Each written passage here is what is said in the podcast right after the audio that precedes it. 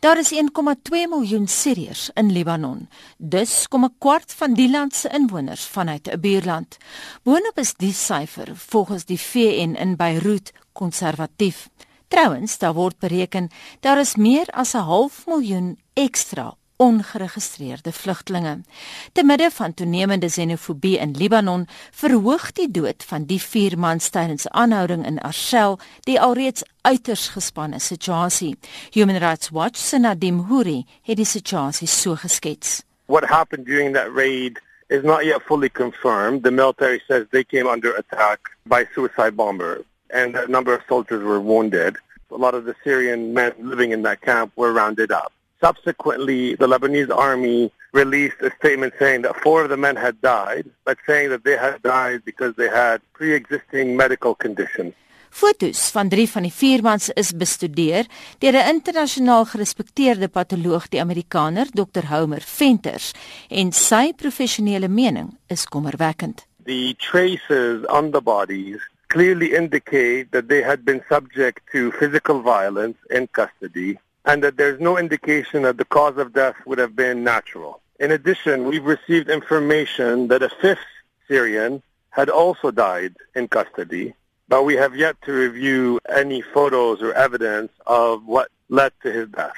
Venter se bevinding versterk Human Rights Watch se getuienis op voedselvlak. Vyf Siriërs vanuit die vlugtelinggebied Arshel in Noord-oos Sirië beweer hulle is ook deur die Libanese weermag gemartel. They were beaten up. They felt they were treated like objects. They were packed together. They were humiliated, insulted. Many of them were severely beaten. It's been a very difficult experience for them and they feel very unsafe right now.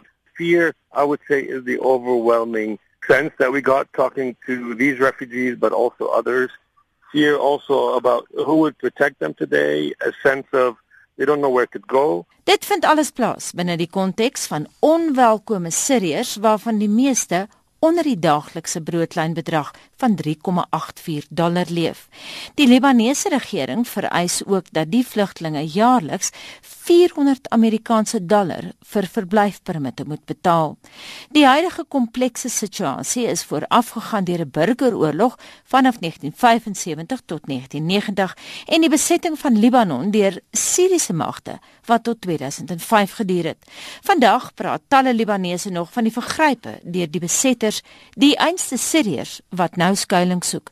Die bitterheid blaas xenofobie aan te midde van minder ekonomiese geleenthede vir die Libanese wat boonop kla die Siriërs steel hulle werk. While the initial reception was welcoming increasingly we saw more and more restrictive measures by the Lebanese government towards Syrian refugees and increasing tensions in Lebanon.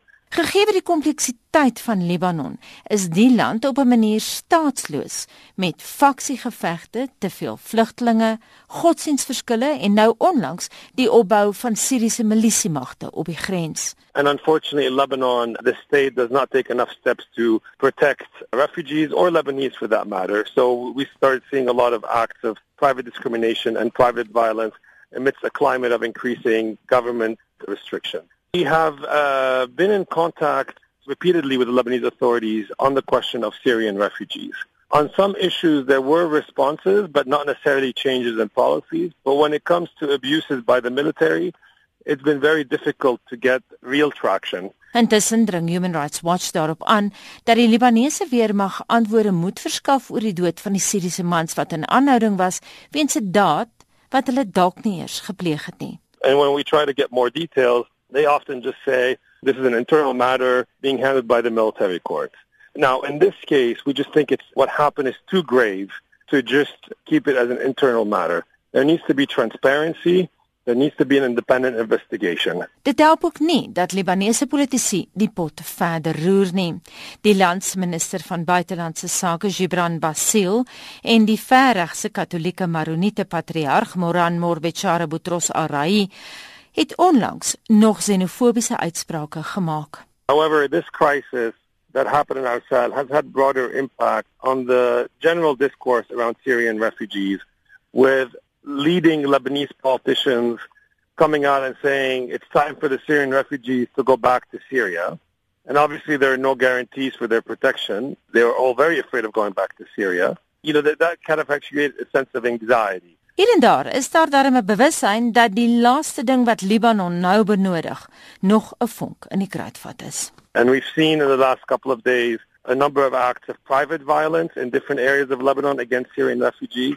Now, in one encouraging sign, there was a video of a number of Lebanese harassing and insulting and beating a Syrian refugee. The Lebanese security forces, after the video became public, have arrested these Lebanese men, and we're now watching to see if there will be a prosecution and if that will send a signal that this sort of vigilante xenophobic act will not be tolerated in Lebanon.